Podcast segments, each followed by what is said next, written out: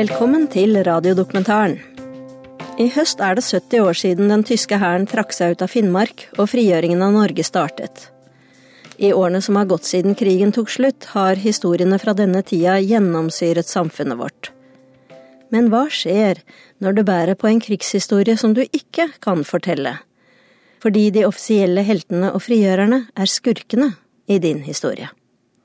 Vi sender Bestemors krig, en radiodokumentar om en krigshistorie som ikke passet inn, og om vår kollektive glemsel, av Ida Karine Gullvik. Jeg husker veldig godt at når vi skulle ha om andre verdenskrig på skolen Endelig skulle de få høre om krigen. jeg følte liksom, Her kunne jo jeg bidra med noe, for det hadde jeg jo hørt om så masse. Og, eh, og så var det jo ingenting av de historiene som jeg hadde hørt om det som skjedde i Finnmark. Det var ingenting. Og da tenkte jeg, er det sant? Altså, Kan det være sant det hun fortalte? Jeg skjønte ikke det. Så jeg sa ingenting om det jeg hadde hørt. om min krig, da. Eller den krigen jeg hadde hørt om. Det fins historier som sklir mellom fingrene på oss og forsvinner. Noen fordi de ikke blir fortalt. Noen fordi de ikke blir skrevet ned.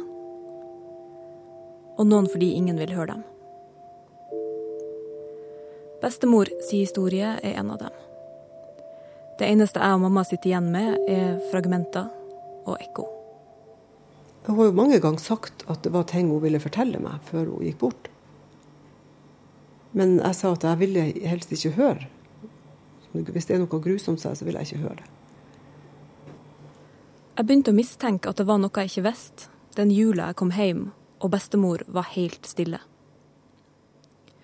Hun satt ytterst på kanten av sofaen, i blå drakt og permanentkrøller, og så rett framfor seg. Ikke på meg og ikke på mamma, men på noe som vi ikke kunne se. De sier sånne forferdelige ting om meg, kviskra hun. Men hvorfor trodde du at det kunne være noe grusomt? Jeg merka det på måten hun sa det på, eller hun var sånn intens. Sånn. Jeg skjønte det bare. Det var ikke før etter at bestemor døde at jeg fikk vite at det var ei historie som jeg mangla. Ei historie som snudde opp ned på alt jeg trodde jeg visste om krigen. På hvem som var heltene og hvem som var skurkene. Og på det bildet jeg hadde av bestemor og mamma og meg sjøl. Det er bare å glemme. En ære for norske stat, norsk armé. Når en synd ligger langt nok tilbake i tid, så bør den få være glemt. Da vet man ikke hva ære er. Det er bare å glemme. Dette er det jeg allerede vet. Bestemor vokste opp i ei lita bygd i Tana, øst i Finnmark. Da tyskerne brant fylket høsten 1944, ble hun og broren igjen, mens resten av familien ble evakuert sørover. De sov i jordhytte eller i restene av utbrente hus. Forsøkte å komme seg rundt på veier som enten var sprengt eller minelagt. De hadde ikke mat. Og det de opplevde, gjorde noe med bestemor. Jeg husker jo at jeg kom fra skolen, og det var jo kanskje jeg gikk i Jeg var sikkert 14 år, tror jeg. Og da jeg kom hjem fra skolen, og da lå hun og skrubba gulvet i, i, yttergangen og gråt og skrubba, gråt og skrubba. Og det er jo Altså Og da skjønte jeg jo at hun var sjuk. Altså, da Men da jeg var lita, tenkte jeg aldri at det var noe galt med hun bestemor. Hun var bare bestemor. Verdens aller beste. Søstera mi brukte å si hun bestemor kan ikke så mye, men hun skjønner alt.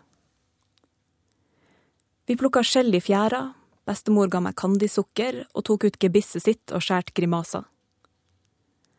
Hun var det minste og tynneste mennesket jeg visste om. Jeg er så lita, sa hun, at når du gifter deg, så skal jeg stå på toppen av bryllupskaka di. Bestemor snakka alltid om krigen. Når hun redde opp senga til meg, så kunne hun fortelle om hvordan det hadde snødd ei natt de rømte fra tyskerne, og at alt rundt dem hadde blitt kvitt. Og at hun da hadde bestemt seg for at hun alltid skulle ha hvite sengeklær. Hun fortalte om de tyske soldatene som flytta inn i huset til dem. Som hadde med seg grammofonspiller, og som skulle lære henne å synge. Hun skrubba trappa, de sandskurte de trehvite gulvene og trappa ut. Og så lå hun på kne der og skurte, og så nynna hun på fælefiskeren. Og så var det en av de der tyske soldatene som hadde sagt å, for en nydelig stemme du har, og vi må lære deg Jeg skal gi deg sangtimer, og du skal Ikke sant? Og hun hadde jo blitt så glad. For meg så var det her bare eventyr. Og jeg skjønte ikke hvorfor de voksne ble så irritert på bestemor når hun snakka om krigen. Hvorfor mamma ikke ville at hun skulle gjøre det. Jeg syntes det var urettferdig at hun skulle Jeg ville egentlig ikke høre om det. Jeg fortsatte å være glad i hun bestemor. Men etter hvert som jeg ble eldre, så begynte jeg å grue meg til hun kom på besøk. Jeg prøvde å ikke havne alene i sofaen med henne. Jeg ville ikke høre mer om krigen. Og jeg hadde forferdelig dårlig samvittighet fordi jeg var så egoistisk. For jeg skjønte at hun trengte noen som kunne høre på henne, men jeg klarte ikke å gjøre det. Vi har jo båret mamma sin smerte med oss, bevisst eller ubevisst, i alle de her årene. Mest ubevisst. Fordi at vi ikke har forstått og ikke visst. Det er veldig få som har kunnskap om at et traume kan videreføres i generasjoner. Det eneste begrepet vi kjenner, er arvesynder, og det er akkurat det samme. Hvis man lar ting være fordekt og for tida, så, så vil de her tingene dukke opp igjen. Som en ny vanskelighet. I neste generasjon og i neste generasjon.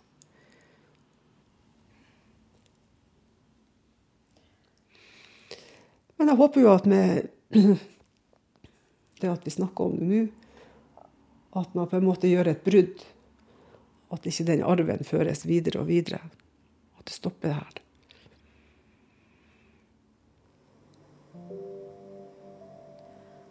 Da bestemor døde, fikk jeg tre ting. Ei eske full av gamle knapper, krukker med candysukker og en masse spørsmål. Hvorfor ble hun aldri ferdig med krigen?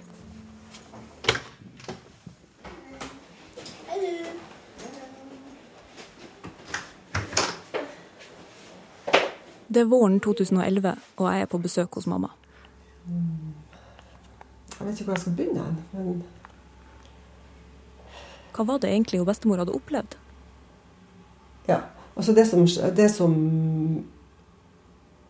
skjedde med bestemor Jeg har jo skjønt at det var noe mer som plaga henne, men det har ikke kommet fram noe før hun, i fjor, når bestemor var blitt veldig syk og hadde flashbacks til krigen og de opplevelsene hun hadde, og liksom var tilbake i mange av de traumene. Hun var helt fortvilt. I flashbackene hun bestemor hadde i årene før hun døde, var hun tilbake i Finnmark høsten 1944. Det hadde kommet en tropp med norske soldater fra England. De kaltes for Bergkompani 2. Og de var jo, det var jo stilla store forventninger til dem, og de hadde ingenting med seg matvarer. De hadde ingen hjelp, og de hadde knapt uniformer og vintertøy, så de klarte seg. Og det, de fikk jo måtte jo få ut av de russiske soldatene. Både utstyr og mat. De norske soldatene reagerer på det tette forholdet folk har hatt til tyskerne. At de har arbeidet for dem og delt hus med dem. At ungene de møter på gata, tigger sukkertøy på tysk. I Kirkenes skriver en norsk offiser ei nidvise om hvor dårlige nordmenn finnmarkingene er. Det jo mamma sa var at de håna dem, og de, de, de måtte jo bruke det de fant til å kle seg med. Så de hadde jo gamle melsekker og sånne lerretsekker som de kledde på seg for å holde varmen. Og, og de her soldatene flirte og håna de og syntes de var Ja. Det er særlig det høye antallet unger med tyske fedre i de frigjorte områdene som sjokkerer de norske soldatene. Finnmarkingene på si side begynner å snakke om bandittene fra London. Nei, altså, de, de drakk eh, seg full på brennevin som de fant eh, etterlatenskapet etter tyskerne. Fin konjakk, ikke sant. Og festa og terroriserte de som Ja, de lokalbefolkninga, da. Det er nesten så jeg ikke tror det kan stemme, det mamma forteller meg. På dette tidspunktet bor hun bestemor i ei jordhytte sammen med en bror, en onkel og en 15 år gammel nabogutt. Det var der de var da de norske soldatene kom. Og så hadde det kommet noen norske soldater fra Bergkompani 2. Og, og de klepte av henne håret. Og hun hadde sett seg veldig til motverge. Og var, var jo alltid en sinnatagg. Men de hadde nå klept henne, og så hadde, var det en av soldatene som ble så forbanna for at hun hadde gjort motstand, så han hadde henta en istapp utafor gammen der, og så hadde han voldtatt henne med den. Og hun hadde jo ikke vært i lag med noen så det var hennes Ja.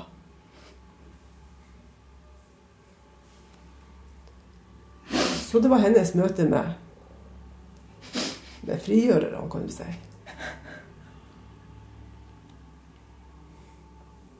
I flere uker er jeg satt ut av det hun mamma forteller meg. Det verste er ikke historia i seg sjøl, men at deler av meg fortsatt ikke tror at det kan være sant. For det første at de norske soldatene kunne gjøre noe sånt mot sine egne. Og hvis det skjedde, hvordan kan det ha blitt holdt hemmelig i nesten 70 år?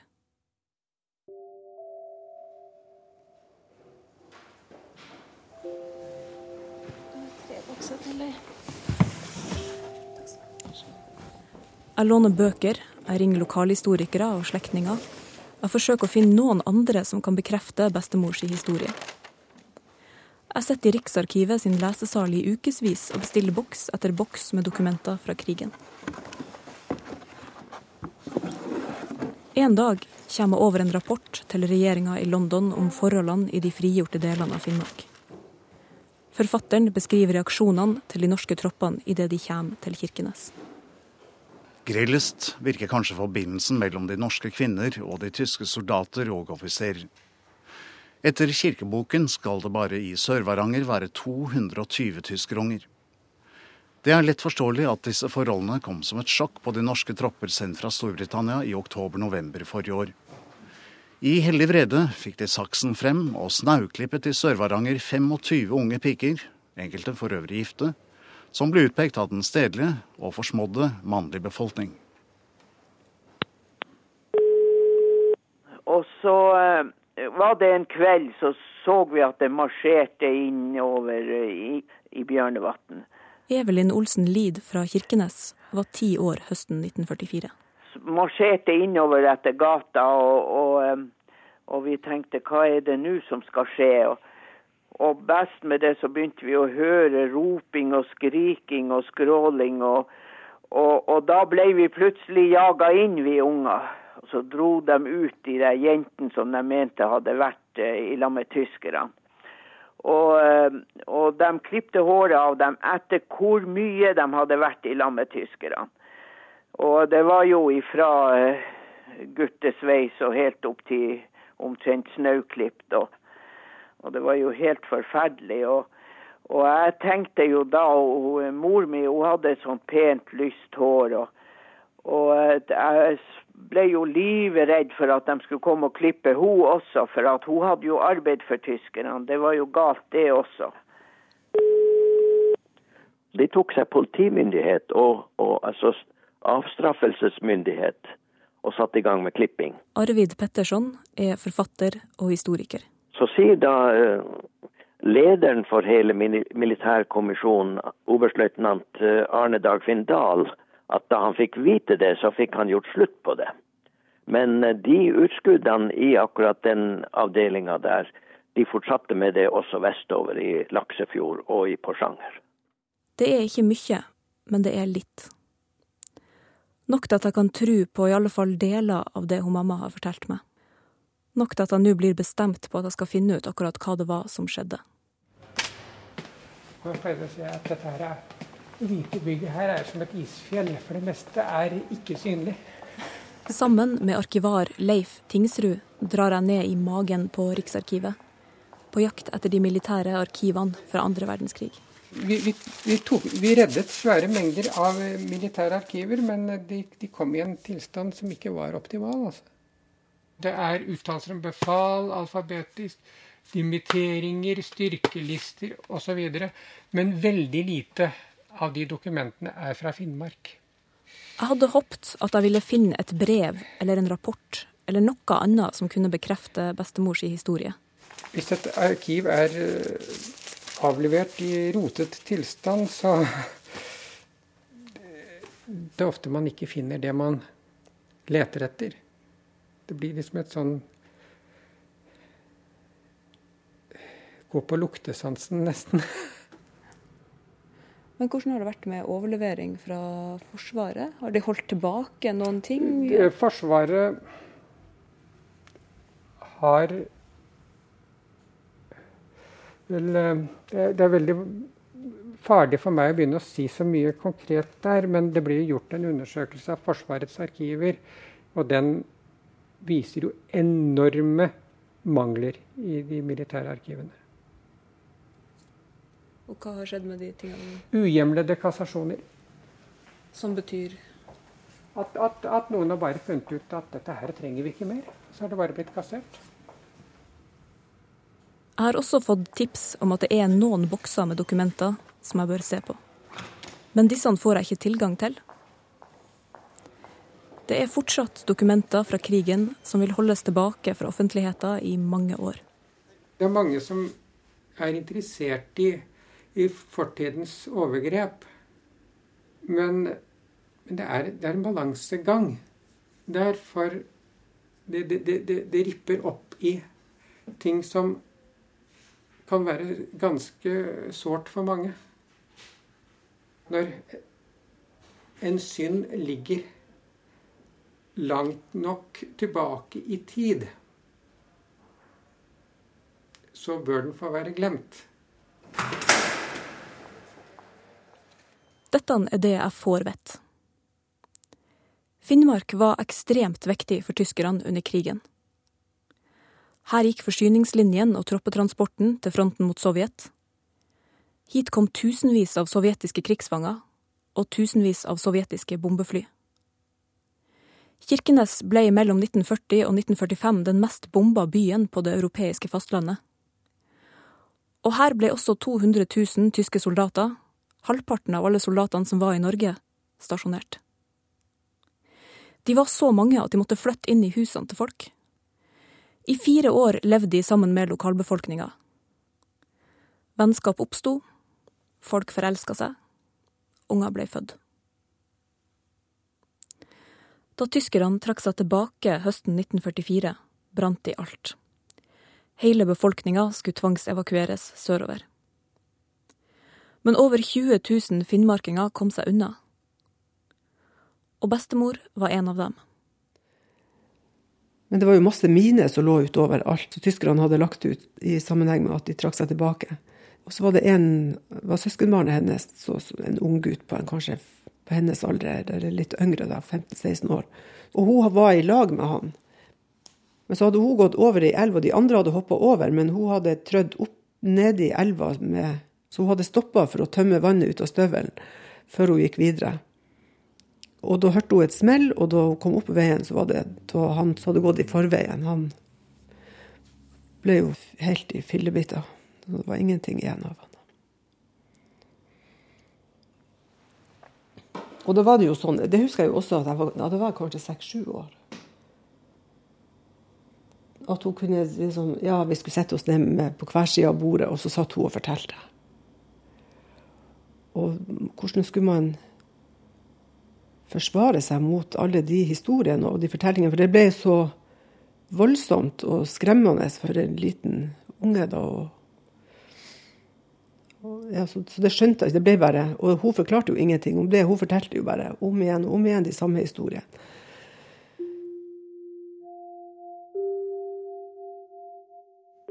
Jeg ringer Forsvarsarkivet. Jeg får meg ikke til å tro at alle de papirene som mangler fra Riksarkivet, bare har blitt kasta. Det var en periode fra midten av 70-tallet til midten av 80-tallet hvor dette eh, skjedde i eh, for uroligende grad mange, mange steder i Forsvaret. Bjørn Roland er historisk arkivar ved Forsvarets arkivtjeneste. Arkivene deres var altså i ferd med å bli fulle. Så da for å få plass til ny, nytt materiale, aktuelt materiale, så var det da uskolert personell, altså offiserer, sjefen, sa at brenn den gamle skitten. Kan vi føle oss sikre på at det som ble kasta, bare var liksom ubetydelige kvitteringer og ikke så veldig aktuelle rapporter? Nei, snarere tvert imot. Herfred. Ja, nei, Det er ikke rart at det enkelte av oss, det lille håret som er igjen, det er svært grått.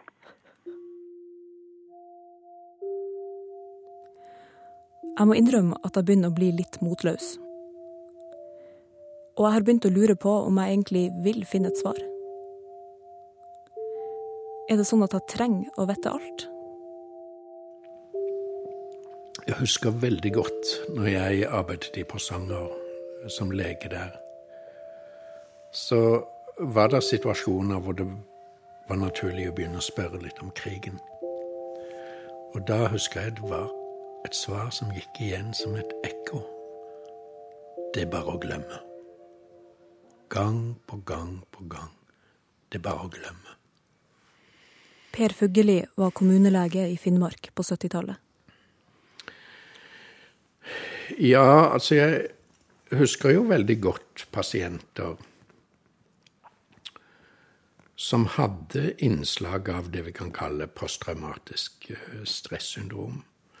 Som nok et stykke på vei klarte å, å å skaffe seg eh, en normal tilværelse og holdt ut i arbeidsliv, men som av og til ble rammet av helt uforklarlig angst om natta, fryktelige drømmer, og som i perioder rett og slett ble satt ut av spill pga.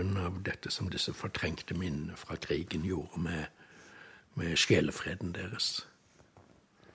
Det her var ikke folk som hadde vært soldater eller sjømenn under krigen, men vanlige kvinner og menn som hadde levd på en krigsskueplass i fem år. Folk sånn som bestemor. Det kom fly fra England for å bombe. Det kom fly fra Russland for å bombe.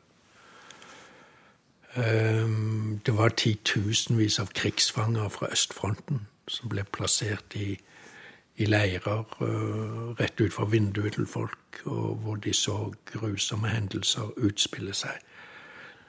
Så, så Finnmarks befolkning hadde en tonnasje av krig over seg i disse fem åra som eh, resten av heldige Norge ikke var i nærheten av.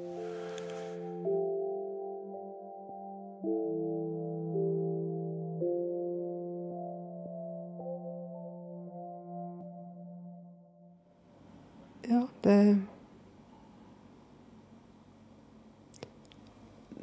Man visste aldri hvilken form hun var i når vi hadde vært ute og leka, eller når vi hadde vært på skolen. Og hvis det var sånn at hun var gråt og var i dårlig form, så måtte jo jeg som var størst, og, og kanskje hun søstera også, ta oss av de minste og sørge for at alt var rolig og greit, og at ikke det var noe vi måtte være små voksne sånn på det følelsesmessige. Det var ikke enkelt for oss unger å komme til henne med. Men vi kunne ikke legge noen, noen flere byrder til, til, henne.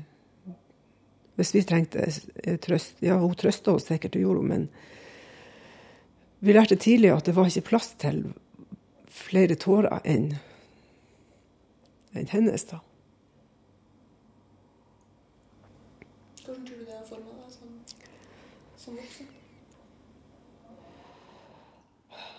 Jeg tror jeg veldig tidlig lærte å stenge av alle de vanskelige følelsene, for det blir for masse å takle.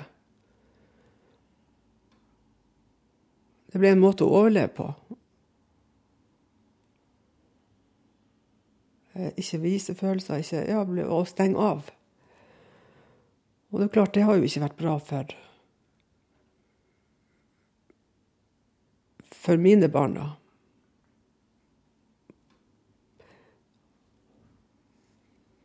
Dere har fått Jeg har vært for lite sint, jeg har vært for lite glad. Jeg har bare vært for mye flat. Ser du noe sånt i oss? Ja, i familier der der det blir holdt lokk på følelsene, så vil det alltid være den som er mest sensitiv i familien av ungene, vil være ventilen i trykkokeren.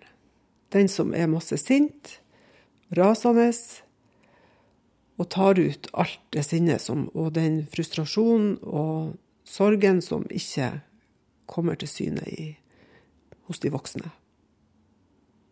Og sånn tror jeg faktisk det har vært.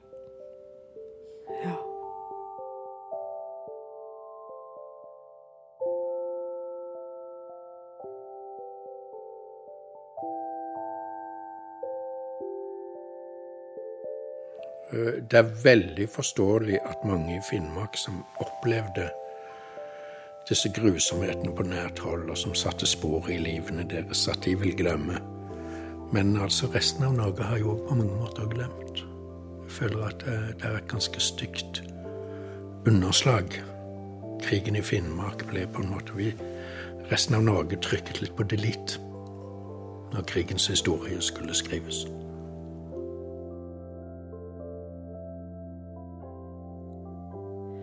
Jeg kommer ikke til å finne den historien som hun bestemor fortalte om mamma, i ei bok eller i en rapport.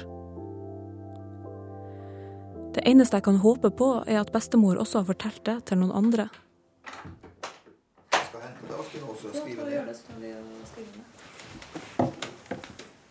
Jeg reiste til Molde for å besøke min halvonkel Svein. Og om Riksarkivet er en slags nasjonal hukommelse, så er onkel Svein min familie sin hukommelse. Og jeg tror at han vet noe som kan hjelpe meg videre. Gamle bilder her, ser det ut som. Svein tar fram en bunke med svart-hvitt-bilder fra Smalfjorden, heimbygda til bestemor, der han også vokste opp. Ja, altså, jeg ble jo født eh, utenfor ekteskap, og det var jo en voldsom synd på den tiden der. Men som hun sa, hun har jo ikke tatt liv, hun hadde jo gitt liv, sa hun. Så det var hennes måte å se det på. Det var mor i et nøtteskall. Her er den lille brakka familien bygd etter krigen. Her er oldefar som kvessa ljåen, og oldemor med stakk og forkle bøyd over ei bøtte. Det er sånn fjellørret hun driver og, og renser her og gjør rent til en middag, tror jeg det var. Ser veldig blid ut. Ja, det var vel mest for at hun ikke hadde tenner. Innimellom kommer jeg over bestemor. Hun ser lita og tynn og alvorlig ut, i svart silkekjole, i ullkåpe, med store, runde briller og krøller. Og så kommer et bilde fra før krigen, der hun er et stort smil i blomstrete sommerkjole, med begge armene rundt en breiskuldra kar. Oi, se her. Hvem var det her? Det her, er- det her er din bestemor, det, og, og, og med søstera hennes Inga. Ja. Og hvem det der er, vet jeg ikke. Ser ut som det kan være en slags eh, kjæreste av noe slag. Og... Men jeg er ikke her bare fordi jeg vil se på bilder av bestemor. Nei, men jeg vil tilbake til den eh, Ja, den historien som bestemor fortalte deg på 70... 71. 71. Eh, hvordan kom hun inn på det? Ja, vi sitter i stua, på, og alle hadde lagt seg. Så det var bare jeg og hun som satt og prata om det der fra ja, et stykke utpå kvelden. Så det hadde vi stort behov for å, å prate om det der, for hun nevnte at hun hadde så mye å fortelle, og, og slik at jeg skulle forstå. hva det de ordene hun brukte. Forstå hun? Ja, forstå hun, ja. Mm. Ja. Jeg sa det jo som veslevoksent at jeg forsto nok henne. Jeg. Nei, det gjør du ikke. Det var da hun begynte å fortelle om det. Det gjør du ikke. Nå skal jeg fortelle deg noe du ikke vet. Så, og da kom det frem. Det er det her jeg har leita etter. En bekreftelse på at det hun bestemor har fortalt, er sant. Ja, hun, eh, det var jo ganske traumatiserende det der. Hun, eh, det er jo noe som ikke egner seg å bli fortalt videre også, det hun fortalte meg. Men eh, det Hva er det du tenker på da? Ja, det var jo overgrep og sånne ting som, som var med i bildet. Tyske soldater, ja. ja. Tyske soldater? ja. Og det her snur opp ned på hele historia. Jeg spør Svein om han er sikker. Det har hun fortalt meg flere ganger, faktisk. Altså. Så jeg tror hun skulle hente mat, eller hun skulle gi beskjed til noen andre i noen andre hytter, eller gammer, som det het. Det var jo gjerne jordgammer, det der. Uh, og så ble hun uh, da oppdaget av en tysker som hun sier voldtok henne. Og det var ingen morsom historie å få vite, altså. Jeg forteller at dette ikke er den historien jeg har hørt fra min mor. Jeg forteller den versjonen som jeg kjenner til, med de norske soldatene og hårklippinga. Og så sitter vi her, da, med våre to motstridende fortellinger. Og prøver å få dem til å passe sammen. Men hun fortalte jo også om, eh, om, eh, hvordan de norske soldatene som kom der i, etter eh, frigjøringen, som ikke oppførte seg sånn som man bør. F.eks. med å kortklippe de samiske kvinnene, jentene, ikke sant. Slik hun fortalte det. Men hvorfor sa hun da at det var en tysker? Det, det, det var rart.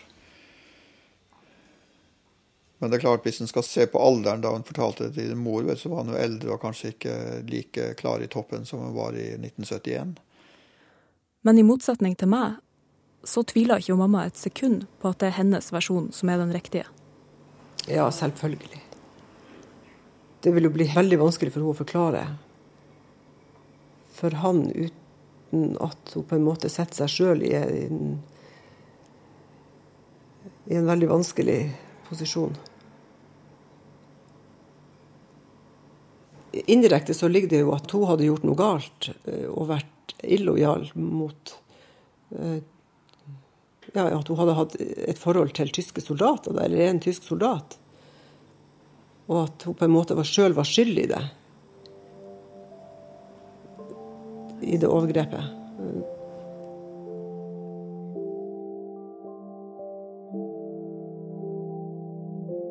Til slutt er vi fortsatt like langt. Mamma med sin versjon, Svein med sin, og jeg en plass i midten. Men jeg vet jo det at hun jo, må jo ha fortalt det til Anna, tante Anna, altså eldstesøstera. For hun nevnte jo det også etter alt hva mor di har opplevd under krigen. Og, og så, så, er det rart at hun fortsatt er såpass som hun er, som hun sa. Så noe visste hun kanskje. Men tante Anna døde for mange år siden. Så hvem er det da som er igjen? Men fortsatt er det jo folk i Smalfjorden som kjenner historien om det der ganske så detaljert, tror jeg. For det, det er jo flere gjenlevende der som i dag er rundt 85-100 år, som kan fortelle kanskje mye mer enn det jeg kan.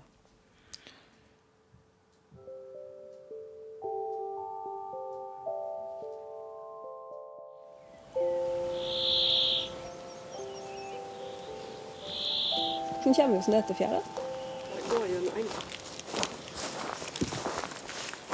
Smalfjorden er ei bitte lita bygd helt innerst i Tannafjorden. Det er første gang jeg er her, men likevel så kjenner jeg igjen navnene på stedene som vi kjører forbi. Varangerbotn, Ifjordfjellet, Rustfjellma, Nesseby. Jeg har hørt dem før, ifra og bestemor.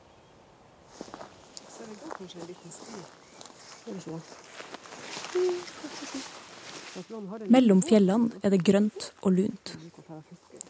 Det er fugler overalt, og sjøen ligger blekkstille nedenfor små hus og gjengrodde jorder. Johannes, bestemor sin lillebror, tar imot oss i sommerhuset sitt.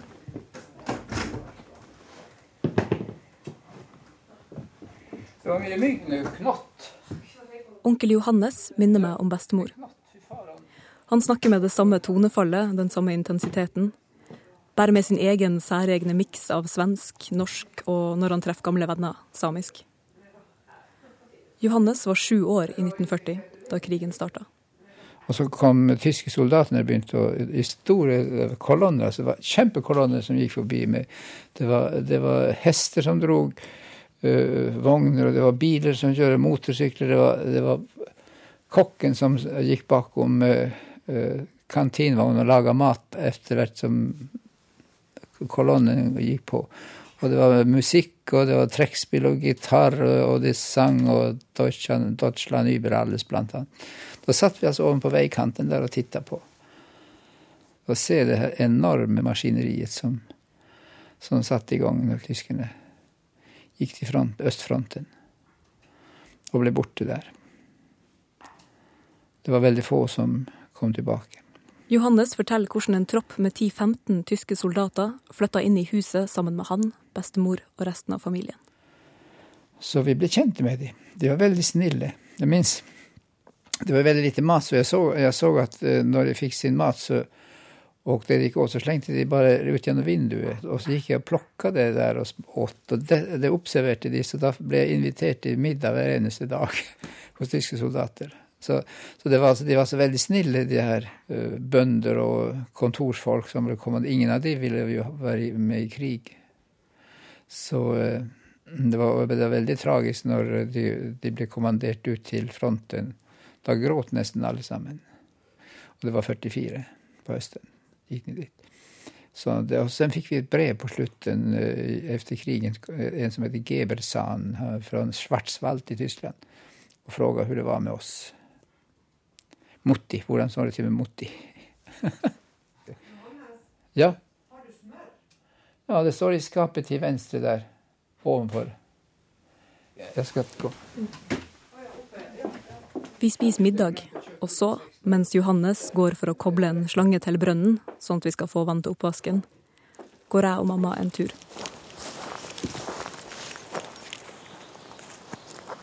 Vi vasser ned mot fjorden gjennom gress og smørblomster, ballblom og storkenebb som når oss til langt over knærne.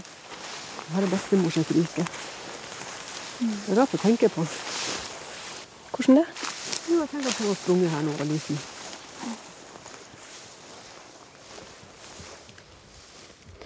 Tror du at vi kommer til å finne noe liksom, mens vi er her? Sånn, finne noe?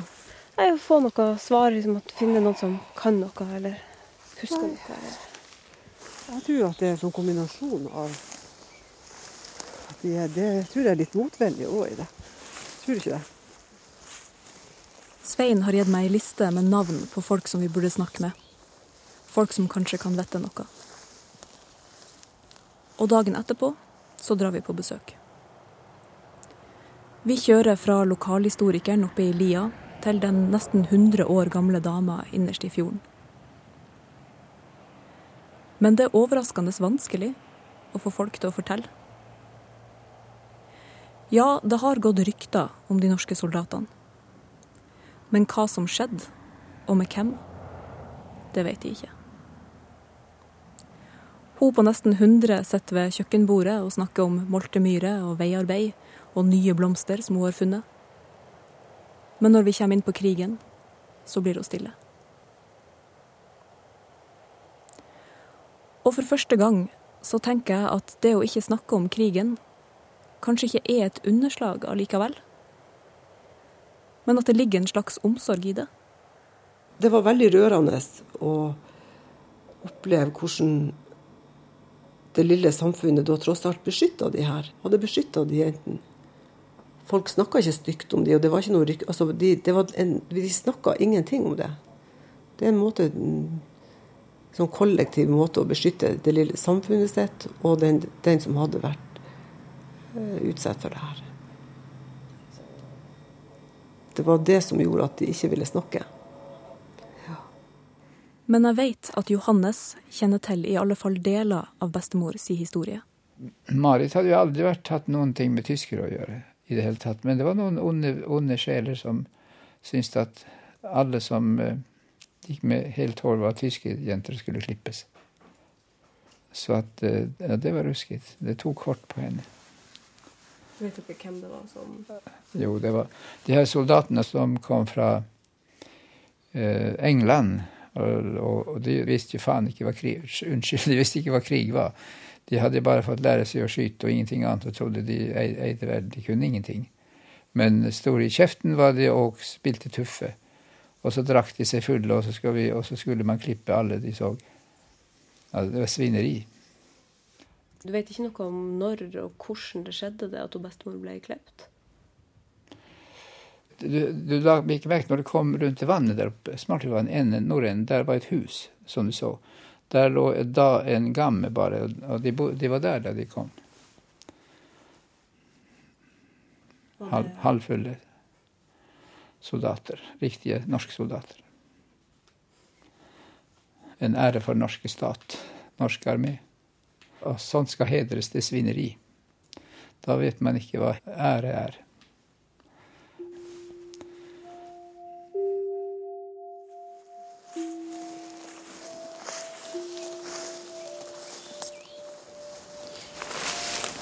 Går frodig det er nå. Så langt til. Langt mot nord. Og så lukter det jo så godt. Nede i fjæra blir vi stående og se. På bildene av Smalfjorden som jeg har sett i bøker om krigen, har det vært små gårder og ryddige, velholdte jorder. Nå virker det som om alt er i ferd med å gro igjen.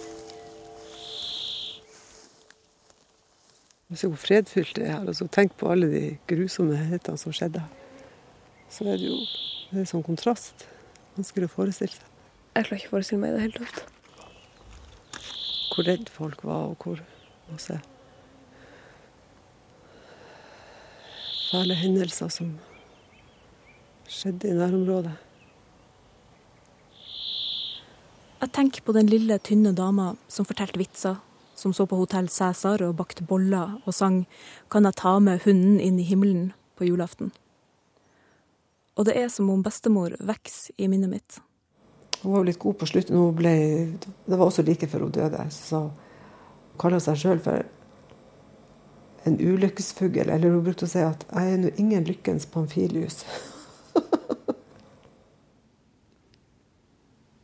Men hun, hun røster seg jo hun var jo sterk.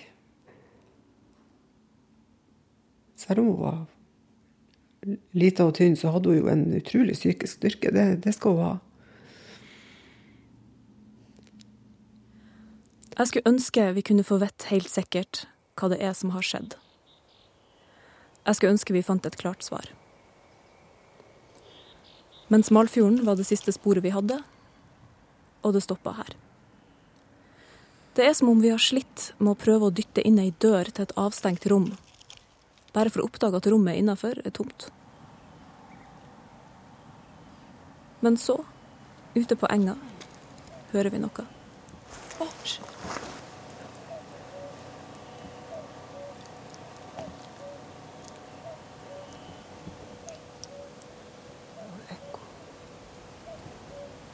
Nå skjønner jeg mamma hva hun brukte å si. Det er gokko og ekko.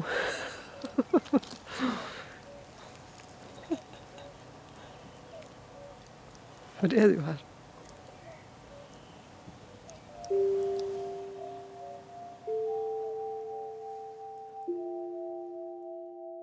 Når vi var små, så brukte hun å si at det er gokko, og så er det ekko. og nå hørte vi jo det når vi var der. For av en eller annen grunn så var det, ga gjøken sin, sin gokko det ga gjenlyd i fjellene rundt, sånn at det, ble, det var et ekko òg. så plutselig skjønte jeg det, det uttrykket hennes. Det er som med alle bestemor sine historier. De har ikke passa inn noen plass. Før nå. Hennes opplevelser, krigen og det hun fortalte om mamma. Om det de norske soldatene gjorde mot henne i den lille jordhytta oppe med Smalfjordvannet. Den historien på en måte legitimerte hvorfor mamma var sånn som hun var. At hun hadde de problemene hun hadde. Det setter jo alt i relieff. Altså, der er den puslespillbiten som mangler. Jeg skjønner jo nå for en bragd det egentlig har vært at hun har klart å å gi oss så mye kjærlighet som det hun har gjort. Hun må jo ha jobba hardt for å kunne tilgi, for det må hun jo ha gjort. Ellers hadde hun ikke klart å gi så mye som hun gjorde. Tror du hun klarte det virkelig? Ja.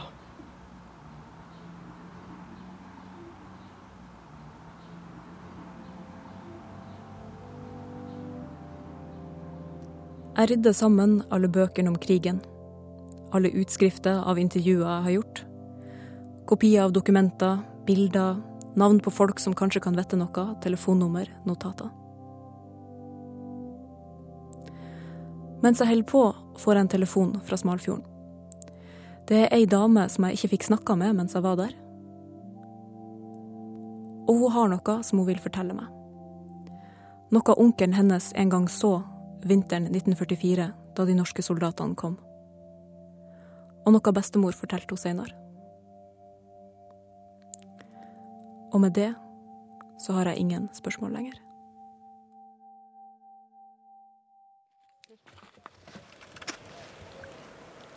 Nå er det nærmere. Ko-ko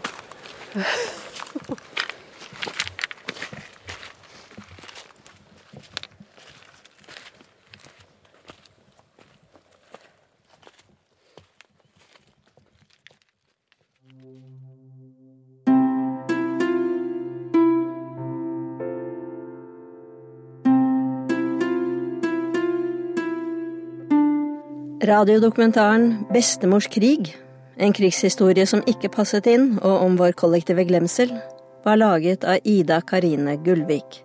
Teknisk regi ved Kjetil Hansen. Konsulent var Kari Hesthamar og Rune Ytreberg.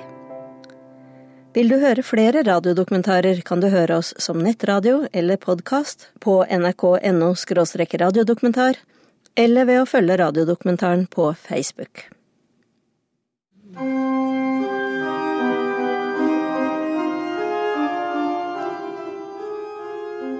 Neste lørdag skal det handle om en far og en sønn. Du er min eneste sønn.